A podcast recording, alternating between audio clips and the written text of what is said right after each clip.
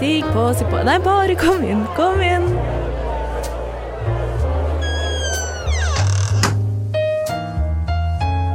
Her i lobbyen er det plass til alle sammen. Velkommen til lobbyen på Radio Nova. Hei og velkommen inn i lobbyen. Det er en eh, ny uke, en ny episode med oss, og det er jo faderen meg på tide. For å si det sånn. Eh, forrige uke eh, så var det faktisk eh, jubileum, et av de viktigste jubileumene vi har i år, som gjør at vi har Skeivt kulturår, nemlig at det er 50 år siden straffeparagrafen for homofili ble opphevet. Hva vil det si i praksis? Nei, det er vel det vi skal finne ut i dag, si. Eh, men eh, vi, Robin og jeg, Melinda, er jo unge folk som Enn så lenge. Enn så lenge, som kanskje ikke vet så godt hva verden handler om. Men vi har fått med oss noen som er eldre og mer erfarne. Nemlig deg, Brita. Tusen takk, du. Så det er derfor jeg er her, selvfølgelig. Ok. Ja. Veilede unga. Ja, vi trengte noen som vet hva verden handler om. Ja, okay, Ja. Ja, for hva, hva, hva handler egentlig verden om? Hva verden handler om? Ingenting. Oh, Det er hardt, men det er meningsløst, og det er det eneste vi kan trøste oss med.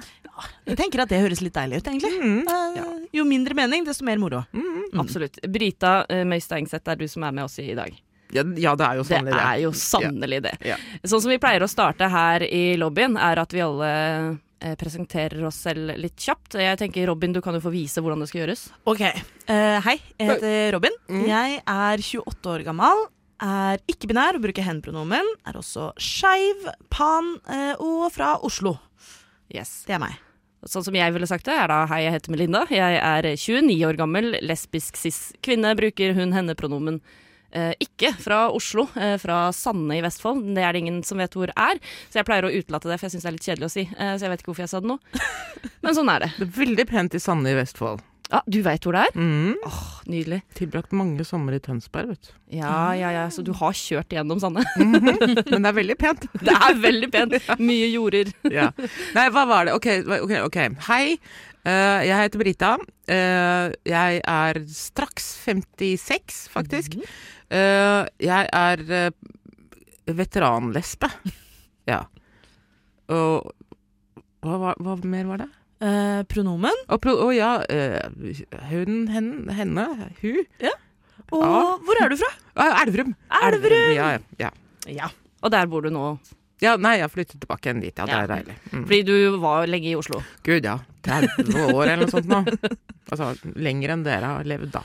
Det ja. kan stemme, det. Ja. Mm. Mm. Eh, hvorfor er du Bare helt Bare begynne å grine! Går ikke an. Kan ikke snakke med mennesker som er Nei, OK. Dette kommer til å bli en veldig hard Det har veldig hardt program for meg, kjenner jeg. Oi, oi, oi. Beklager at vi skal komme her og grave opp i det. Nei, det går, nei, det går fint. Da er det én ting som er veletablert her i lobbyen, er det i hvert fall at jeg har ingenting imot uh, eldre kvinner. Det er helt sant. Det er helt sant. Utdyp. Uh, nei takk. Nei, det Jeg er, kan gjøre det når du har gått. men Er det du er, sånn, er du, er du sånn eh, faller, Du er sånn Cougar-fan, liksom? Eh, absolutt. det, hvis Kate Blanchett kommer på skjermen, eh, så kommer Melinda også på skjermen. Uff da. Robin, det er ikke, det er ikke greit. Det er faktisk ikke greit å si. OK, takk for meg! Det var alt for i dag. Ja. Nå kan du gå hjem. Blir du flau du nå? Jeg ble svett på overleppa. Ja, Oi, oi, oi. Hvilken leppe sa du? Den øverste. Oh, ja. Nordmenn er engasjert ungdom og livserfarne gamle.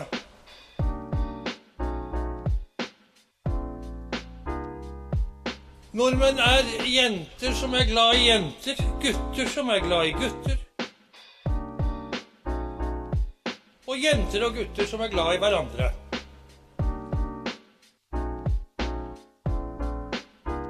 Velkommen til lobbyen på Radio Nova. Men eh, nei, hva, eh, hva skal vi prate om i dag, da? Vi skal prate litt om jubileum, men jeg er jo også veldig nysgjerrig på uh, litt om deg, Brita, og ditt liv og virke. Ja, Ja. ok. Um, Du må spørre ting, for jeg, jeg husker svært lite. Eller jeg husker det når jeg blir spurt, men Ja. jeg kan liksom ikke gi et sånn Nei, vi egentlig bare at denne episoden skal vi snakke om Big Brother, og det alene. Det skal, vi, det skal, det skal hun slippe. Jo, vet du hva, en liten festlig ting om uh, min første Big Brother-sesong eh, i Stockholm. En av deltakerne der var Morten Hegseth. Ja! Mm. Ikke sant? Yes. Uh, og hans ambisjoner da Dette er jo Når var dette? 2005 eller noe sånt nå? Ja. Ja. Uh, 17 år siden, da. Nei, enda lenger. Det er Hvor lenge siden er det? Ja, det blir ikke matte, eller? 17, tror jeg stemmer.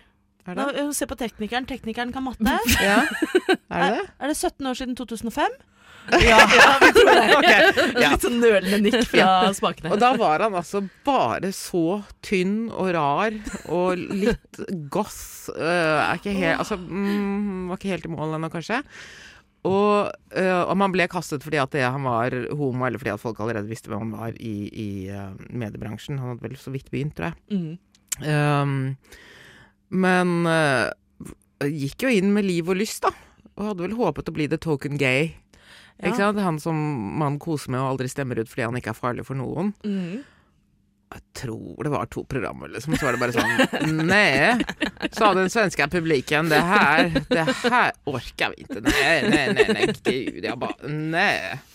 Men det gikk jo på sett og vis. da Han jo Vi vet jo hvem han er i dag. Absolutt. Så kanskje- vi kan jo si at han har vært forferdelig flink. Ja. Ja. Han Men klarte det. Det var kanskje ikke Big Brother som ble the stepping stone for eh, Hegseth. Da, han ble jo kjent med Du blir jo kjent med de som lager disse programmene, da. Det er et veldig godt Og produksjonsselskapene, produsentene, regissørene, Mm. manusfolk. Alle de Ja. som lager det.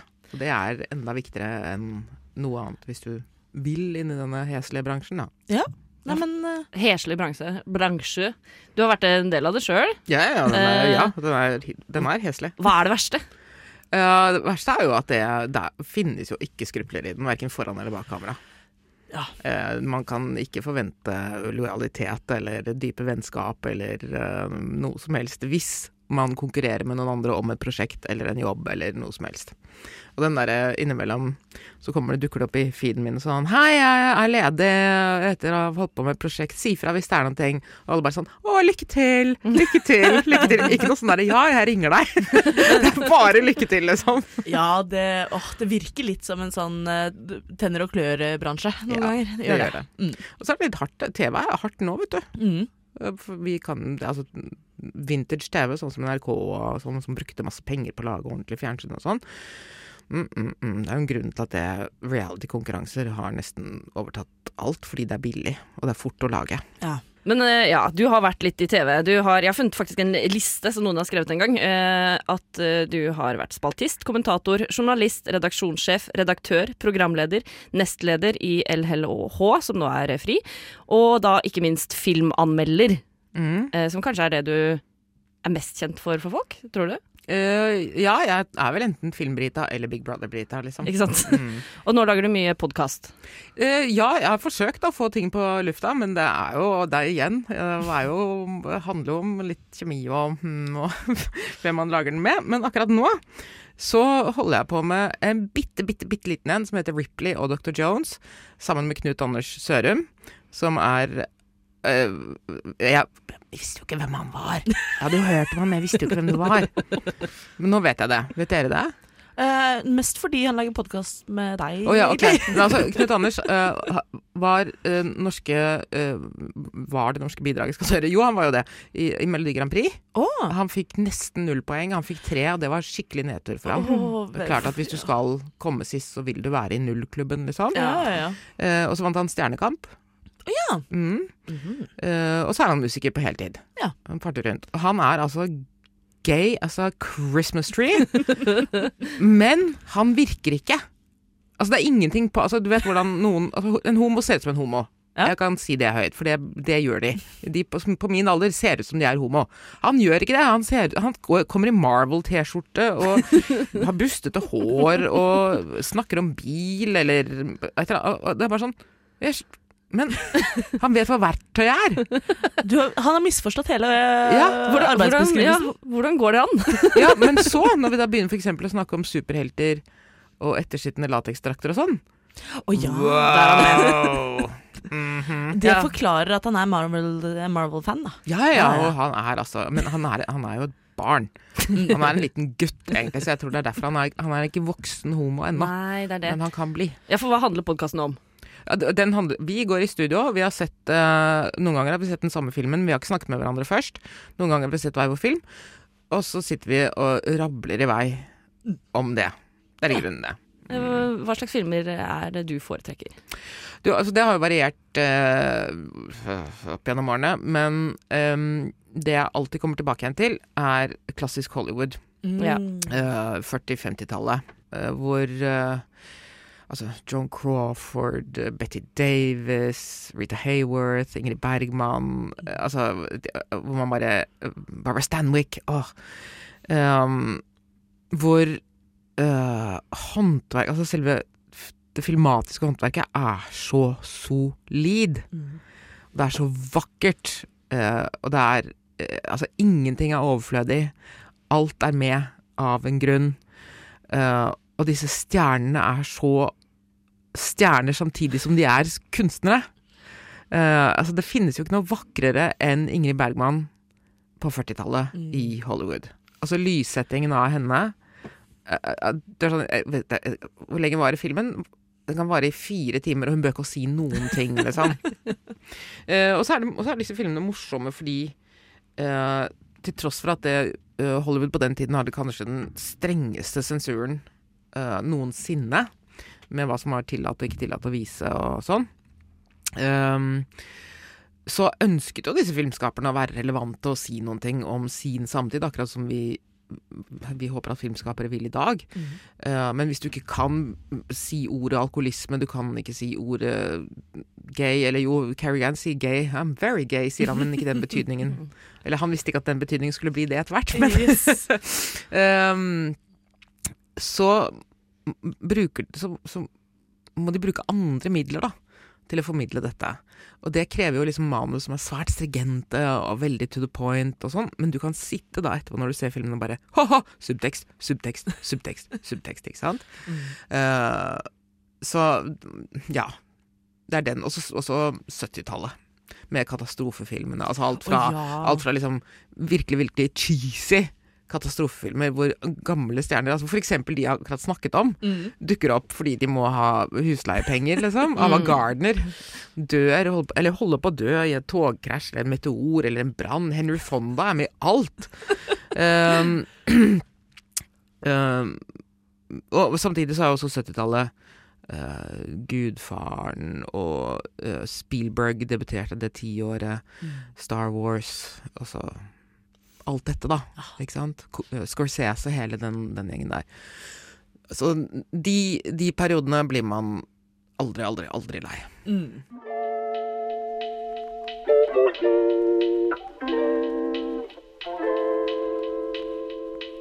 Okay, listen up. This is for the girls and the gays and the theys. So if you're not a girl or gay or they, keep scrolling.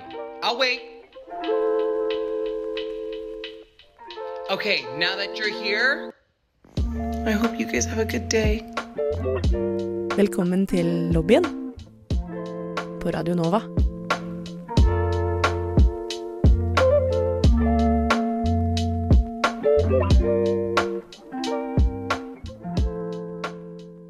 Forrige uke var det jubileum Eh, og Robin. Ja, nei, det var uh, jubileum forrige uke. 50 år siden avkriminalisering av homofili i Norge. Eller mm, seksuell omgang mellom menn. Yes, for det er, uh, Vi snakker jo ofte om det som homoparagrafen og avkriminaliseringen av homofili. Men uh, det er som du sier, det var mellom menn eh, i all hovedsak. Hvordan var det mellom lesbene? Vet du det? Ba, altså, som, altså, kvinnelig seksualitet synes jo ikke sånn i alminnelighet. De var jo bare veldig gode venninner. Ja, det var de. Og så altså, kvinnelig seksualitet som retter seg mot annen mot andre kvinner, den blir jo dobbelt usynlig. Yep. Uh, et, en av, altså, det er jo en vandrehistorie, men vi, dronning Victoria skal visst ha en gang sagt da hun ble forklart hva lesbiske var, at Nei, det trodde hun faktisk ikke fantes. Rett og slett. Nei, det går ikke an. Det er litt for mye. Ja. Nei da, det er, det er jo altså Kvinner kunne jo leve sammen som søstre, Mm. eller som venninner, ja, kompanjonger, mm, uten at det, man opplevde det som farlig, fordi at det, den kvinnelige seksualiteten ikke synes på samme måte. Ikke sant? Eller ikke er truende på samme måte. Nei, for det, de, det var liksom utelatt kvinner fra den loven, for de kunne jo ikke penetrere hverandre. Ja, sant. Det Mm. var litt det det gikk på. Nei, det er jo interessant, for sånn- den typen lovgivning finnes bl.a. i Singapore fremdeles. At det er ulovlig med seksuell omgang mellom menn. Mm, Sier ingenting om lesbiske eller bifile kvinner. mm, mm. Så selv om damene ikke var en del av akkurat denne loven, så er det 21. april som regnes som dagen hvor homofili ble gjort lovlig i Norge. Det var forrige torsdag 50 år siden, og vi i lobbyen var til stede under markeringa som var utenfor Stortinget her i Oslo. Og det skal du få høre litt fra nå. Torsdag 21. april 2022 var det 50 år siden avkriminaliseringen av homofili i Norge. Den dagen var det markering på Eidsvoll plass foran Stortinget, og vi i lobbyen dro selvsagt bort i samlet tropp. Og mitt navn det er Katrine Nygaard. Og denne dagen markerer vi med glede og kjærlighet, men også kampånd, solidaritet og ny giv for å fortsette arbeidet for at alle skal ha like retter over hele verden og i alle samfunnslag og trossamfunn. Kriminalisering av et menneskes identitet og livsutførelse hører aldri hjemme i et demokrati. Her er det stortingspresident Masud Gharahkhani som prater. Det er viktig og riktig at vi markerer milepæler i historien, slik som i dag. Lovendringen for 50 år siden var en uvurderlig milepæl for inkludering og respekt i mangfoldssamfunnet. Men samtidig som vi her i dag markerer avgjørende skritt som ble tatt den gangen, så vil jeg understreke at fortidas skritt og feiring av fortida aldri er tilstrekkelig i seg selv. Det neste vi skal ha glede av å høre på i dag, det er Isak Bradley, leder for pasientorganisasjonen for kjønnsinkongruens, PKI. Vær så god, Isak. Så hvem sin historie er det vi gjenforteller? Hvem sin historie er det vi glemmer? Uten begrepene blir ikke vi forstått, og uten rettigheter blir man ikke husket eller beskyttet. Transpersoner fikk diskrimineringsvern i 2020. Det er to år siden. Retten til å endre juridisk kjønn fikk vi for seks år siden, i 2016. I 2018, for fire år siden, ble ikke transpersoner ansett som psykisk syke lenger. I dag skal vi feire kampen ble vunnet for 50 år siden, med tittelen 'Skeivt kulturår'. Men den kampen er ikke vunnet. Det skeive begrepet er en del av en skeiv politisk kamp, og de kampene kjemper vi fremdeles i dag. Vi kjemper for tredje juridisk kjønn. Vi kjemper for muligheten til å bli blodgiver. Vi kjemper for et verdig behandlingstilbud. Vi kjemper for kunnskapsløft om kjønn og seksualitet. Vi kjemper for muligheten til å starte familie. Vi kjemper for å leve gode, trygge liv uten å bli diskriminert. Vi kjemper for å bli hørt. Tidligere den torsdagen hadde det blitt kjent på sosiale medier at helsestasjonen for kjønn og seksualitet i Oslo fikk forbud om å skrive ut hormoner til transpersoner i Oslo. Dette forbudet kom fra statsforvalteren på grunnlag av klager fra NBTS, altså behandlingstjenesten på Rikshospitalet. Det var mange sterke følelser rundt at denne beskjeden kom samme dag som vi skulle feire rettighetskampen for skeive. Vi skulle feire at vi hadde gått fremover, ikke bakover. Og mange av dagens taler var preget av nettopp denne informasjonen. Jeg fikk da i dag informasjon fra en ungdom om at HKS, helsestasjonen for kjønn og seksualitet, nå har fått beskjed om å stoppe hormonbehandling. Staten fjerner her et livsviktig og unikt helsetilbud og dytter nå transpersoner ut i et vakuum. Dette kommer til å få livsalvorlige konsekvenser. Helsedirektoratet nekter å opprettholde retningslinjene de selv har nå utarbeidet. Statsforvalteren går aktivt inn og fratar voksne og unge transpersoner sitt helsetilbud uten å ha satt seg inn i fagfeltet. Transtematikk har alltid vært en kasteball hvor alle deltakerne har berøringsangst. Ingen evner å ta forvaltningsansvar. Vi blir fortsatt utsatt for umenneskelig behandling i helsevesenet, politikken, i media og i samfunnet. Dere har lovet endring i så mange år at vi er på vei. Men denne veien går jo ingen sted. Vi er drittlei av å ikke være en prioritet. Vi lider ved siden av dere, men dere velger å ikke kjempe med oss. Tusen takk for meg.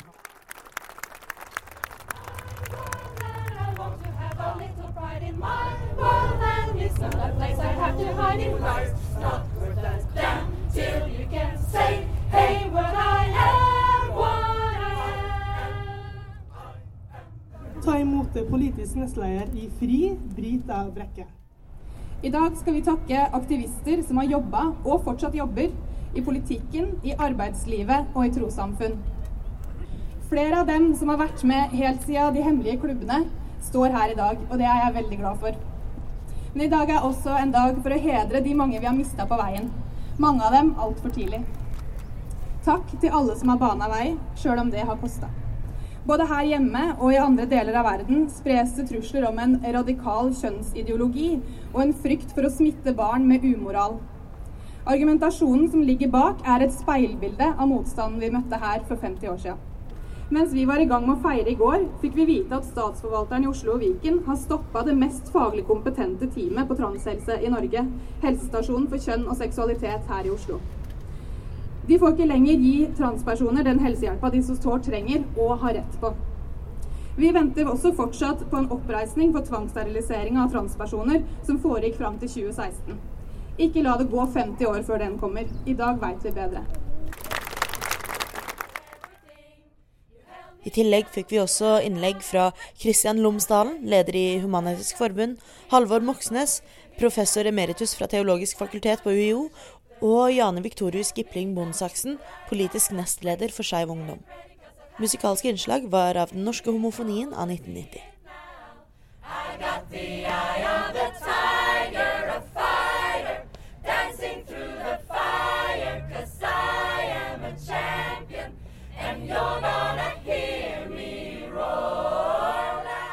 Alt i alt syns i hvert fall vi at det var en flott markering foran eh, Stortinget den torsdagen. Vi håper at eh, kampen fortsetter, og at vi slipper å vente 50 år til før vi kan feire en eh, markering av transpersoners rettigheter.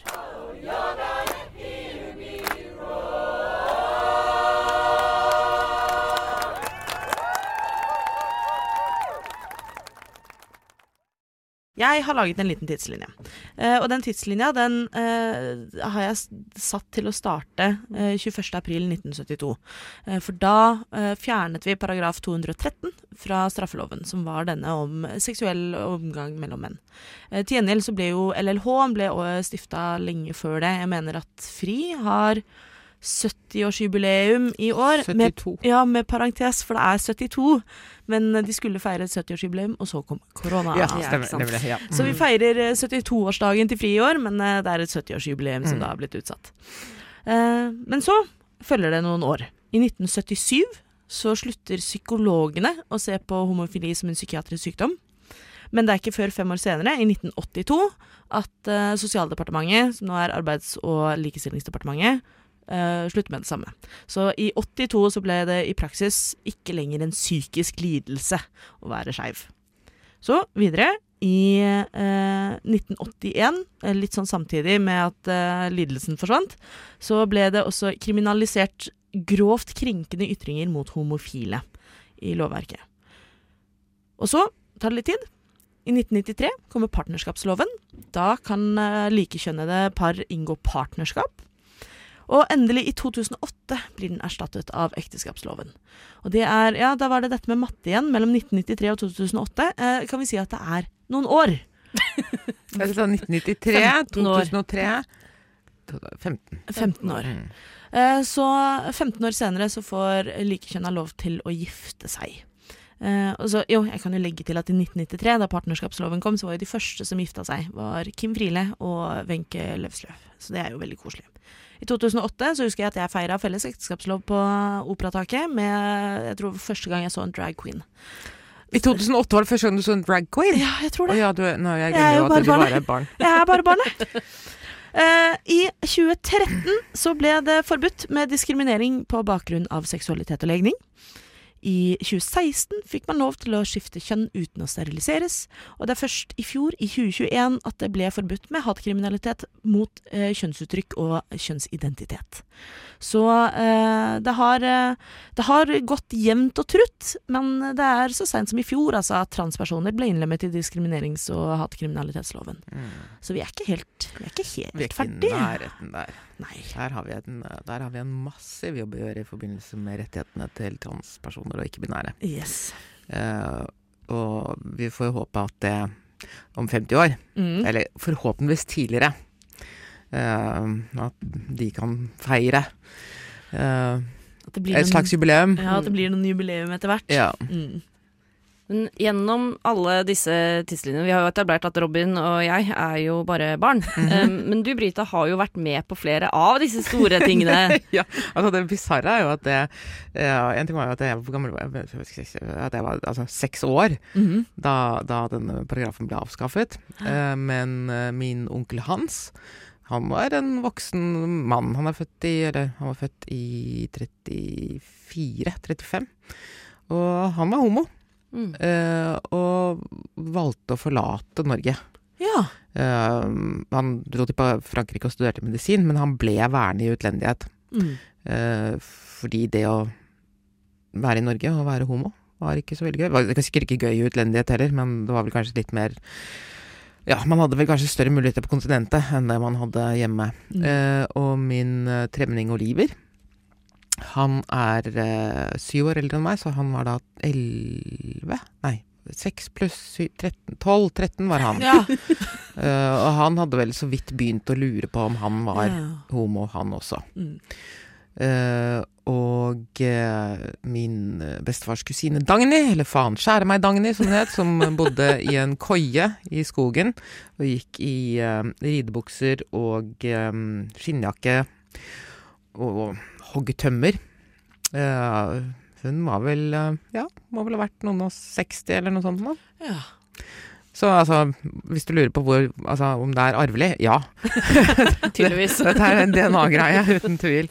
Men altså, de, de- de var levende mennesker Mm. da ja. denne paragrafen ble, eh, ble fjernet.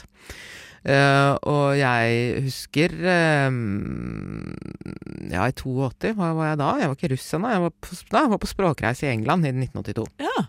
Um, og husker at jeg leste at det ikke lenger var en psykiatrisk lidelse. Mm. Uh, jeg, hadde jo, altså jeg hadde jo ikke noe ord på at jeg selv var lesbisk da, selv om jeg hele tiden forelsket meg i piker som jeg var på tur med, blant annet språkreise med piker fra Sem i Vestfold. Ja. Jeg bare oh, oh, Besatt av Vestfold i en periode. Uh, så uh, at, at dette har skjedd mens, mens jeg har gått rundt og vært en person. Så har andre mennesker sittet og vurdert hvorvidt uh, det jeg skulle bli som voksen, skulle være en sykdom eller ikke. En Mm. lidelse som jeg eventuelt trengte hjelp for.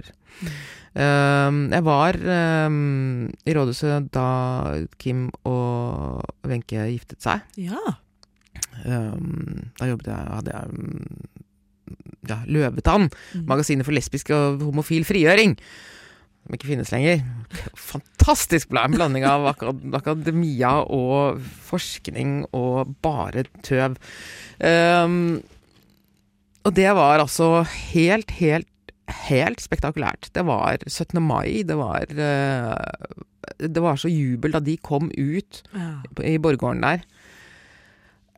Det, altså Det var som om alle plutselig kjente på en frihet som vi ikke hadde kjent på før. Mm.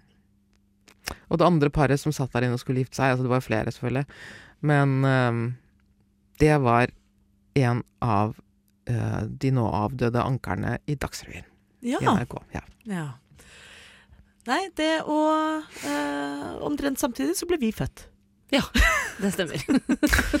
Så det er jo helt sånn Det er jo spennende å tenke på. Og jeg også må liksom i jevne mellomrom ta meg selv i at jeg føler at jeg fort kan ta ting for gitt. da. Mm. Ja.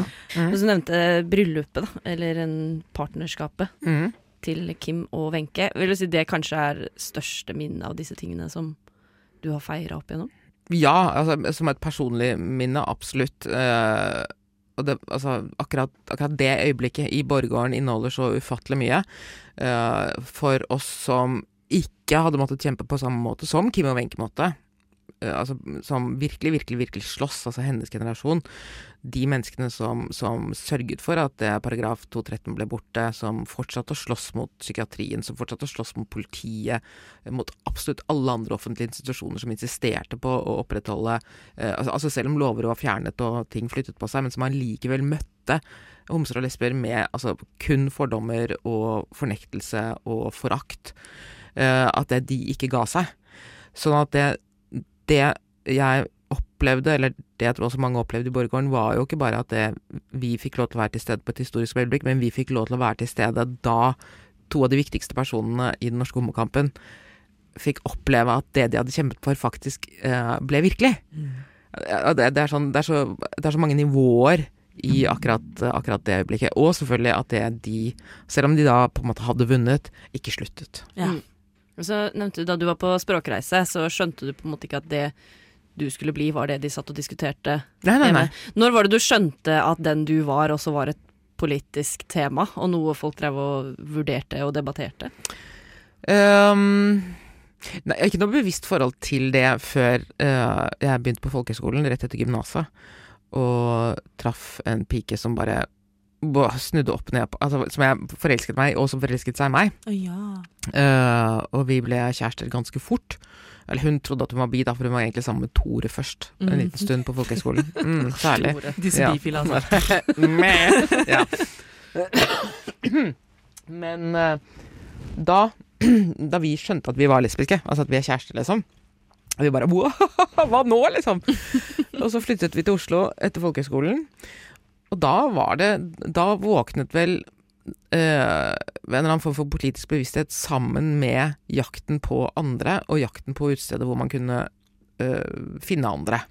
Og det var jo stort sett var bare var Metropol og et par andre steder, liksom, men det var ikke så veldig mye. Ja, for hvordan var det? For vi, nå har vi jo Tinder og Facebook og Mm. Jodel og Snapchat, og det er liksom ikke en måte på at man kan finne likesinnede. Mm. Men uh, det er en tid uten, uh, uten mobiltelefon. Vi måtte gå ut, og vi måtte gå bort til den personen vi kanskje trodde vi var interessert i, eller som vi syntes var pen, og så måtte vi snakke til vedkommende face to fucking face. Går det an? Skjønner du? Avvisningene kunne da komme brutalt og hardt med en gang. Det var ikke noe sveip. Det var ikke sånn at du ikke du, altså, Det gjorde vondt. Altså, du ble ydmyket IRL der og da, liksom.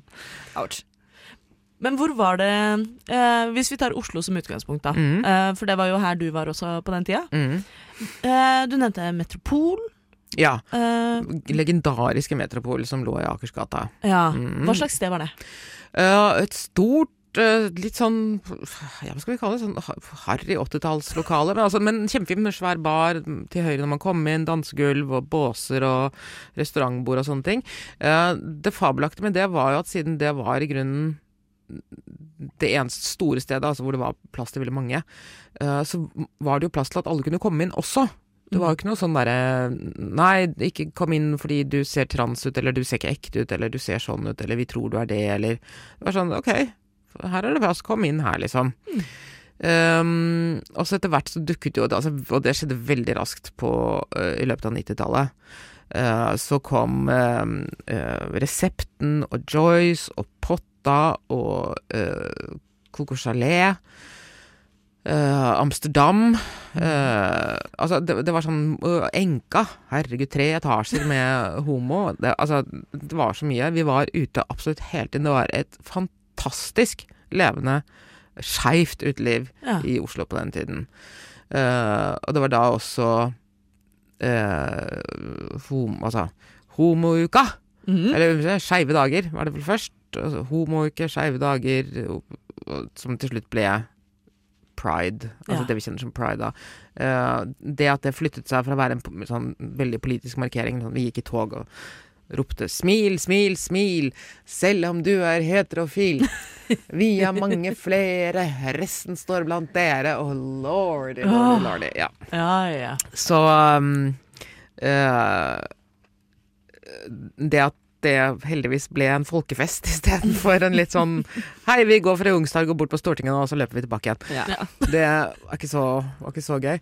Men um, i uh, Jeg tror jo at det, i da uh, min generasjons eh, luksus, som det jo var Fordi de aller fleste kampene var i grunnen over. Mm. Og de som, herregud, disse homsene og lesbene som ville ha unger. For det holdt de også på en stund. Ja, vet du. det er kravstort, altså. Mm. Mm. har- Altså, de fikk bare holde på. Ja. Det var jo deres greie. Mm. Det burde ikke være noe politisk, det, liksom. Skal ikke nekte dem det, men hvorfor? Mm. Du er, du er homo, du slipper! Skjønner du? Du du- trenger ikke. Har du prøvd en liten hund? Ja. Hallo, det anbefales! Eh, men uh, det som vel eh, skjedde Eller jeg mener at dette her har skjedd da i, i min tid, i løpet av disse 50 årene som denne paragrafen har vært borte, er at eh, vi som da, som jeg kaller partygenerasjonen Altså vi som fikk lov til å liksom nyte fruktene, de direkte fruktene av det harde arbeidet de gikk foran oss, og som måtte slåss litt, men ikke noe farlig. Det var ikke sånn at jeg noensinne, når jeg har sittet i studio og diskutert eh, homorettigheter med kirkens mørkemenn, som jo var de siste som flyttet på seg Det var ikke noe sånn Altså, man hadde jo bare lyst til å fnise. Mm. Eller eh, de gangene jeg har sittet på TV og måttet forklare hvorfor det er viktig at jeg er åpen. Mm. Sitte på Dagsrevyen og måttet fortelle om sexlivet mitt. Altså, det er sånn Men Fordi de tror at det er det samme som At det er det de tror at Altså, fremdeles var det en periode hvor vi ble redusert til kun seksualitet og biologi og drifter. Mm. Sånn at det, ved å være åpen, så ville journalister spørre men hvorfor må vi vite noe om sexlivet ditt? Og jeg må hele tiden da svare men du vet ingenting om sexlivet mitt. Du vet at jeg er lesbisk. Det Ja. er det eneste. Mm. Du vet, vet ikke noe annet. Uh, og det er en sånn Men jeg, det var jo aldri farlig. Ikke sant? Jeg har aldri risikert noe uh, ved å være åpen lesbe i min tid, sånn som de før meg hadde gjort. Uh, og veldig mange på min alder, og litt yngre og litt eldre, uh, har kanskje blitt så komfortable at det vi har glemt de som skal komme etter oss. Mm. Og da snakker jeg ikke bare uh, om transpersoner og ikke-binære og den kampen som kjempes ut der, men også andre unge skeive uh, som fremdeles altså så helt hva det, helt an, En bitte liten, helt alminnelig homogutt fra Brumunddal, for eksempel, gruer seg til å fortelle mamma og pappa Mm. eller de på skolen at han er homse. Mm. Og det er 2022, og når jeg leser det, så blir jeg helt sånn Men i Hva i himmels navn er det vi har gjort, da? Har vi bare, har vi bare, vi bare gikk og la oss på sofaen og bare ble av fire, og fikk, noen fikk barn, og noen fikk hund, og dro til Syden og bare reiste verden rundt og laget gourmetmat, liksom. For det kunne vi. Ja. Eh, og det er ikke bra nok. Altså i 2022 er ikke det bra nok, altså. Men hva skulle du ønske dere hadde gjort, da? Istedenfor å feste? Jeg skulle vel ønske at det vi hadde vært med på og, Altså, om vi hadde formet eller bare tenkt at det, dette her uh, vil være viktig for de som kommer etter oss. La oss gjøre det litt lettere. Eh, la oss fortsette å støtte f.eks. arbeidet til daværende LLH, eller ja, det som også folk kjenner som Det norske forbundet av 1948. um, og uh, fortsett å presse uh, offentlige myndigheter på eh, eh, på hva de kan lære i skolen. Altså at de møter på skolen når de er ganske unge at hei, er du skeiv? Det går helt fint, her kan du snakke om det. Eh, og det er klart at hvis den holdningen hadde startet mye tidligere, så er det mulig at vi ikke hadde sluppet alt den driten som, som foregår nå. Mm. Uh, og det som skjer i dag med det, altså det norske antitrans... Uh, eller disse transfornekterne jeg, jeg, jeg er bare sånn Hva?! Og dette er altså Dette er folk fra Dette er lesber, liksom. Mm. Og det er homser som starter Hva var det de hadde startet da? LLH 2019, eller hva det nå var. Hvis eneste formål skulle være å kjempe for lesbiske, homofile og bifile. Og det, ingen andre. Mm. Altså, hvis du, kun, hvis du var noe annet, nei, da kunne du ikke være med i den. Og jeg bare, når ble det Skal du kjempe for det rene og ranke, i anførselstegn, i homobevegelsen, liksom? Ja. Det er så Det- absurd. Det har en bismak, altså. Mm. Det, det minner om andre, andre retninger og andre Det gjør det. Og, og argumentene som brukes mot Uh, trans og ikke-binære, er jo de samme argumentene som da homsene og lesbene, eller homsene, la oss si det var homsene, opplevde da man begynte å snakke om at det de fantes, da, ikke sant. Ja, ja. 40-50-60-tallet. Eh, hvor eh, pass deg eh, for homofile eh, menn, fordi de vil bare forgripe seg på deg. Eh, ikke slipp dem i nærheten av ungene dine, for de kan smitte dem. Eh, de må ikke få barn selv, fordi da vil de bare oppdra dem til å bli homofile, og eventuelt bare bruke dem til sex. Eh, sånn at det det at det homsene var redusert til kun biologi og seksualitet, og um umoralske og uredelige motiver, er nøyaktig de samme argumentasjonen som øh, dagens antitrans... Eller transfornektere, unnskyld. Mm. Ikke antitransaktivister, for det er for pent å si. De er transfornektere. Det er de samme argumentene som de bruker i dag. Den playbooken er bare De bare spiller det manuset om igjen. Uh, og vi som kan det manuset utenat, fordi vi har brukt det på kirken, vi har, eller vi har møtt det i kirken, og vi har møtt det i andre institusjoner. Altså, det er vår forbannede plikt å, å reise oss igjen og si nei, fuck you. Ikke Ikke kødd med vennene mine. Ja. Ikke sant? Ja, nei, det, det er vakkert sagt. Jeg tror også mange av disse, den her eh, transfornektergjengen, Mm. eh, de er veldig gode til å si at ja, men vi, de gamle lesbene, eller de, de, de den, De gamle lesbene, ja. Ja. Vi, de gamle lesbene, og vi, de ekte feministene. Mhm. Og så sitter man der og er kanskje både lesbisk og feminist og tenker hva faen er du til å snakke på vegne av meg her nå? Ja, og en annen ting, altså et bilde som jeg hele tiden kommer tilbake igjen til, som sikkert er upassende og alt mulig, men jeg bruker det fordi det, det, det grounder meg da, i hvert fall, er jo at hvis det ble 9. april 1940 om igjen, tror du virkelig at fascistene og nazistene ville gjøre forskjell på den gamle lesba og den transpersonen? Det vil si å, du er på vårt parti. Du er lesbisk, men du er på vårt parti. Men da tar vi bare transpersonen, da. Og nei, du havner i den samme vogna, altså. Mm. Det er ikke noen forskjell. Og denne ideen om at det eh, transfornekterne, altså skeive transfornektere, eh, finner allierte blant kristenkonservative ja, det, det, er- det er altså det, Da er det noe gærent, da! Ja. Ja, det var sånn poff! Du får, du, hodet ditt virker ikke, rett og slett. Og eh, interessant nok så glemmer jo også uh, mange av disse her, uh, altså nyradikale lesbene nå, da, at det å være lesbisk blant feministene på 70-tallet Nei, de syntes ikke det var noe særlig gøy. Nei. Fordi lesbene de kom og ødela for feministene, fordi da trodde alle, alle at feministene også var mannshatere, akkurat som lesbene var. Så at de nå plutselig har funnet hverandre, det er også en sånn derre historieløs ko-ko-greie, altså. Det er helt sjukt å være vitne til. Men det er jo liksom fint å tenke at du, Vi har jo ikke gitt opp kampen, da, selv om du føler det hoppa litt over deres generasjon i at dere Ja, burde vært ja, vi, litt vi, hardere. ja, vi var an, litt ansvarsløse. Ja. Og det er derfor jeg prøver å mane til uh, at vi må reise oss litt nå, da, og ta ansvar, liksom, og prøve å hjelpe. Ikke sant? Og her sitter jo øh, vi og lager en podkast om det her og snakker til flere unge skeive som kanskje lurer på hva, hva, hva kan vi gjøre nå, da? Har du Mhm. noen tips til hva, hva skal vi gjøre nå? Eh, Synes. Hver gang no, hver, Hvis du kommer over et, eh, et argument eller en kommentar i et eller annet felt, eller leser en artikkel eller hva det er, altså, uh, si nei. Du, drit i det der, da. Altså, bare si nei. Reis deg og si nei. Du får ikke lov til å behandle andre mennesker sånn. Og vi snakker om andre mennesker.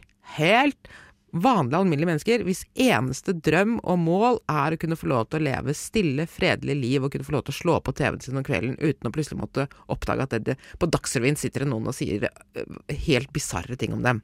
Skjønner du? Det er så enkelt. De skal ikke måtte gjøre det vi De skal ikke måtte oppleve det vi måtte oppleve. Det er vår forbanna jobb, altså.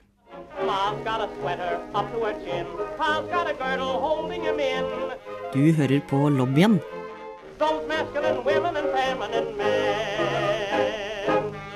på Radio Nova.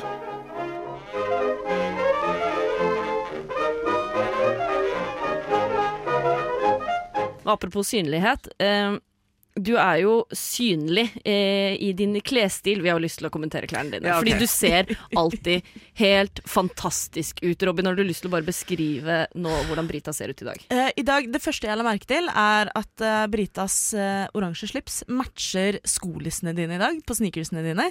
Eller så er det en eh, grå ulldressbukse. Nei, det er kanskje ikke ikke ull helt i jo, det er, været? jo, det er, jo, den er, jo, det er jo egentlig ull. Ja. Tynn ull. Mm. Eh, og en eh, blå, lyseblå penskjorte. Mm. Eh, og så hadde du også blazer fra eh, Frislid. Ja, jeg har, Ja. det jeg, kan si, jeg har på meg en ehm, 90-talls Frislid-blazer. Mm. Mm, marineblå. Nydelig. Eller dark, dark navy. Dark navy. Jeg har en smårutete ehm, En hvit smårutete blå uh, skjorte fra Alvo. Mhm. Jeg har et oransje slips fra Samvel. Og jeg har et par 80-talls eh, riktig sånn baggy eh, dressbukser, også fra Frisli. Ja. Og så har jeg eh, et par 20 år gamle Nikes joggesko som ser ut som eh, wingtips. Altså brogues, liksom. eh, men som er joggesko. Og egentlig skal det være svart lisse i dem, men jeg bruker oransje. Hvis jeg skulle spurt deg hva du tror totalsummen på antrekket ditt er? Sånn hva det ville kostet å kjøpe det. Nei, hva du har betalt for det. Hva jeg har betalt for det. Eh, hva er det da? Cirka 250 kroner? Det er det, det, er det sykeste! For, for hva, hva tror du det er verdt? Hva det er verdt? Eh, altså, en Frisli-blazer koster eh, 8000-9000 kroner. En Frisli-dress koster fort 15. Hvor får du tak i alle disse klærne for så lite penger? Oh, my dear, I could tell you, but then I'd have to kill you. Ok, da, da lar vi være. Nei, det er mektig imponerende. Du må finne bruktbutikker utenfor Oslo, vet du. Ja, sant. Men da, jeg vil jo anbefale alle som er glad i uh, litt vintage, uh, fin mote. Altså sånn, ja. Ofte litt sånn pen dress, pen slips, litt sånn skikkelig. Mm. Følg eh, Brita på Instagram. Hva heter du der, da? Popkorn-Brita. Det er et nydelig navn. Veldig bra. Så jeg har vi jo lært i dag at du er jo litt obsesst med damer fra Vestfold. Eh, og jeg er jo veldig glad i damer 50 pluss, så jeg tenker nå Du har sagt du skal til et TV-opptak, men jeg tenker vi rekker jo en lunsj etterpå. I hvert fall siden du har bursdag i morgen, så kan vi jo liksom få til noe der. Er ikke det greit, Robin? Altså, opp til dere. Dere kan snakke om små hunder til krampa tar dere. Ja, da må jeg, jo, må jeg jo si at det um, Mitt hjerte er allerede tatt. Å nei, oh, nei! Hva skal vi gjøre da? Ja, Du, ja. Du, tusen jeg kjenner eh, mange single damer på noen og 50, ass. OK, send dem til meg. Mm -hmm, tusen, tusen hjertelig takk for besøket, Brita Møystad Engseth. Tusen takk for at jeg fikk lov til å henge med kidsa. Ja, en fryd å ha deg med. Vi henger med oss hver dag hvis du vil. Ja, kan godt det. Herlig. Hvis dere lurer på noe, da, så er det bare å ringe. Det skal vi gjøre. Gratulerer med dagen i morgen. Tusen takk. Så ha det bra, da. Ha det bra, og lykke til på TV-innspilling. Ja, men takk. Du har nettopp hørt en podkast av Lobbyen på Radio Nova. Er du interessert i å høre mer? Du finner oss på Lobbyen på Facebook eller på Instagram under lobbyen.nova. Der kan du også sende inn spørsmål eller temaer til fremtidige episoder. Vi slipper episoder hver mandag og er å finne på lufta på Radio Nova mandager klokken fem.